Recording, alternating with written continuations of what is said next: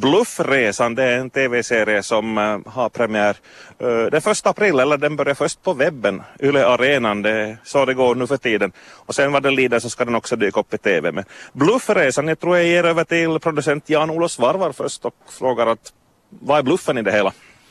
Ja, bluffen är det att, att ett antal kompisgäng i svensk Finland så äh, gick med på förra sommaren att åka på semester utomlands. Det låter ju trevligt. Det, det, det, det måste man fråga dem vad de tyckte därför att vi låste ju in dem i, i en lägenhet i, här hemma i Finland och, och de fick bluffa att de var utomlands för sina familjer och vänner och, och, och följare på sociala medier. Okej. Okay.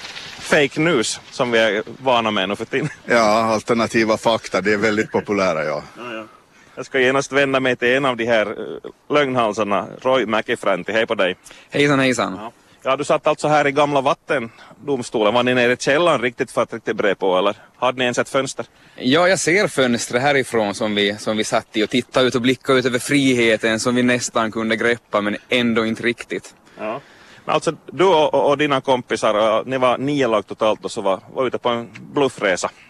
Ja, det stämmer. Vi, vi låtsades att vi for till Oslo och men, Ditt lag alltså? Mitt lag, precis. Men i själva verket satt vi då faktiskt i gamla vattendomstolen i Vasa och låtsades hela tiden. Jaha. Ja, berätta, på vilket sätt låtsades ni? Nu ska du inte ge för, bort för mycket av, av, av storyn, Janko, du får, får säga stopp om man berättar för mycket här. Äh, tanken i det hela var väl att vi skulle genom sociala medier försöka liksom äh, låtsas eller visa åt våra kompisar och våra bekanta att vi är ute på en resa och, och lura dem helt enkelt genom sociala medier och det gjorde vi och det lyckades vi med. Så det... Jaha.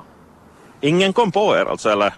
Nej, faktiskt inte. Och efteråt så Uh, vi hade en, en kompis som insisterade på att få hämta oss från, från flygplatsen. Och det gick ju inte för vi, vi får ju aldrig till flygplatsen. Men då tog vi taxi ut till flygplatsen som det sista vi gjorde. Och satt där och väntade en och en halv timme. Och vi hade tajmat så att, uh, att vi skulle komma ut samtidigt som ett flyg från Stockholm kom. Och så kom vi och så stod hon och, och väntade på oss och så for vi. Men de glömde nog bort det förvånansvärt snabbt. Det kom inga kniviga frågor i efterhand. Mm. Och i vitsi var synd att inte vi råkar varandra. Nej men precis. Ja, ja, okej. Okay.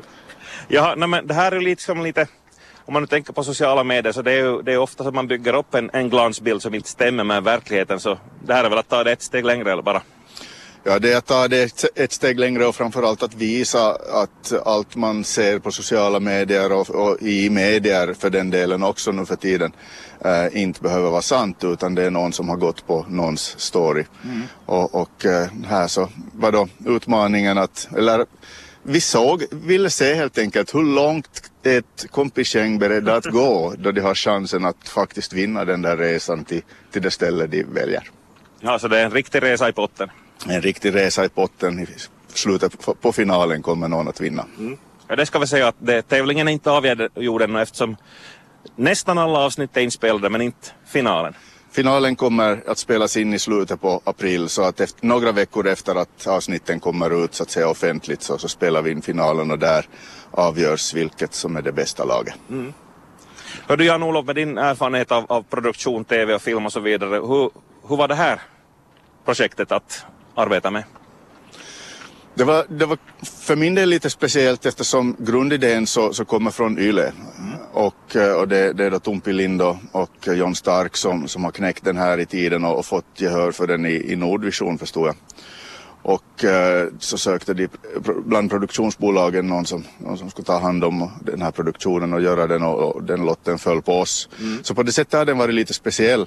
Eh, men samtidigt väldigt intressant och, och utmanande och, och, och, roligt att jobba med ett sånt här, vad ska vi säga, färskt format som aldrig blivit testat och, och det kräver ju sin, vad ska vi säga, utveckling på vägen. Så det, ja. det har varit ett intressant projekt. Mm.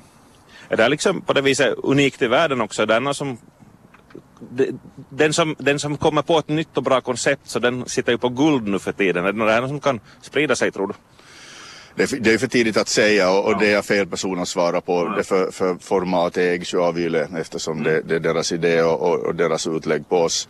Uh, och det beror ju förstås på hur det här lyckas och vad det får för, för uh, ringar på vattnet. Ja.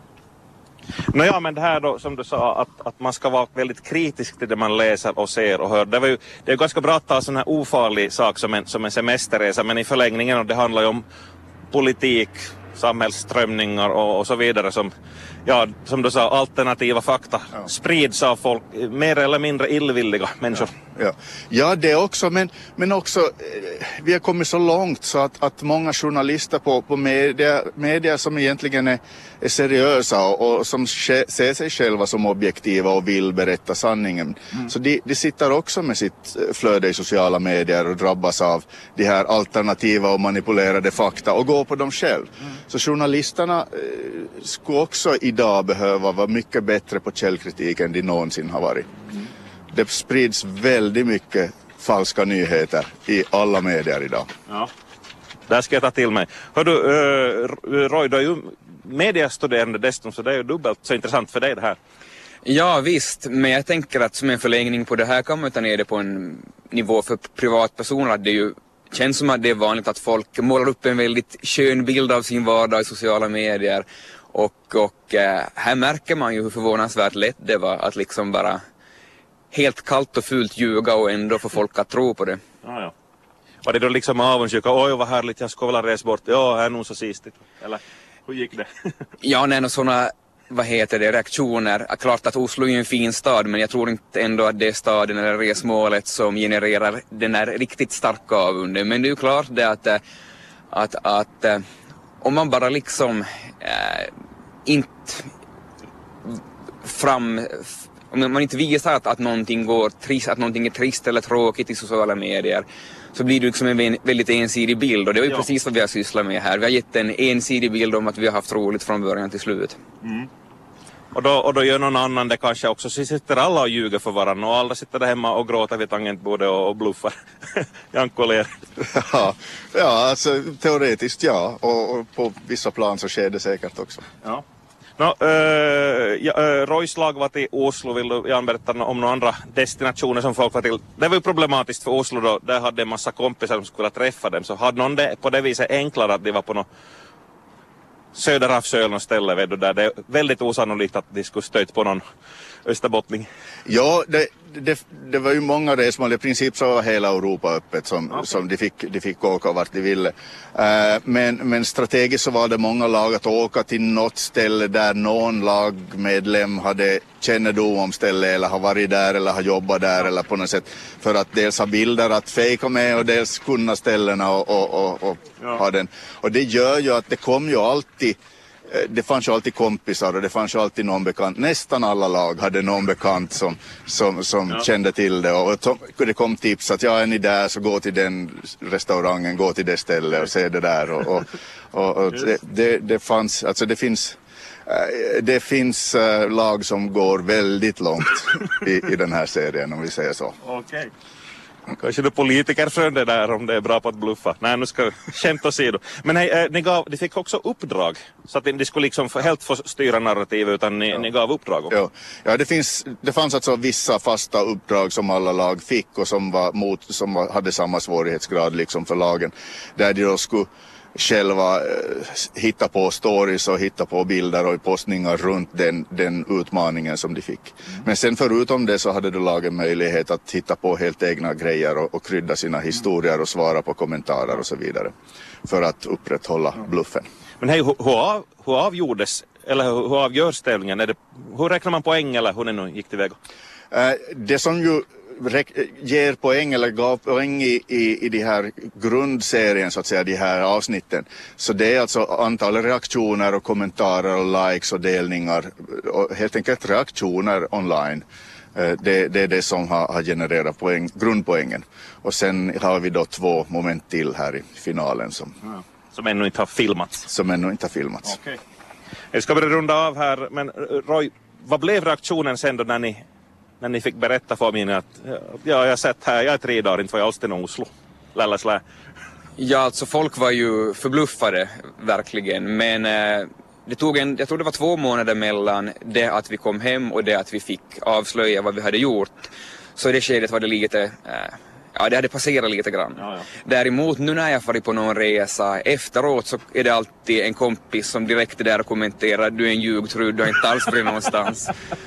Så Ja. ja, Stämpeln livet ut här nu. det kan hända. Jag får hoppas, får hoppas att jag kan tvätta bort den. Okej. Ja, ja, men ingen blev väl arg eller sådär? Det var inte så allvarliga lögner ändå. Nej, folk har nog tänkt att det är en, en intressant grej, ett intressant koncept och, och roligt att vi är med. Ja, Jag, jag, jag vet att det finns nog lag där till och med någon har fått en örfil. Ops. Så det finns nog de som har blivit arga också. De berättelserna får ta med, ta med någon sån där best of eller där bakom scenen. Det kommer. Men nej, när, när, eh, det är premiär nu då på lördag, första avsnittet, och så droppar det utan efter. När bandas finalen och när kommer den? Början av maj har jag hört om. Eh, Den, kommer, den publiceras i början av maj och, och eh, den spelas in i slutet på april. All right. Spännande tider. Tack ska ni ha, Jan-Olof Svarvar och Roy Mäki Fränti. Bluffresan. Drömresan döljer sig bak lögnerna.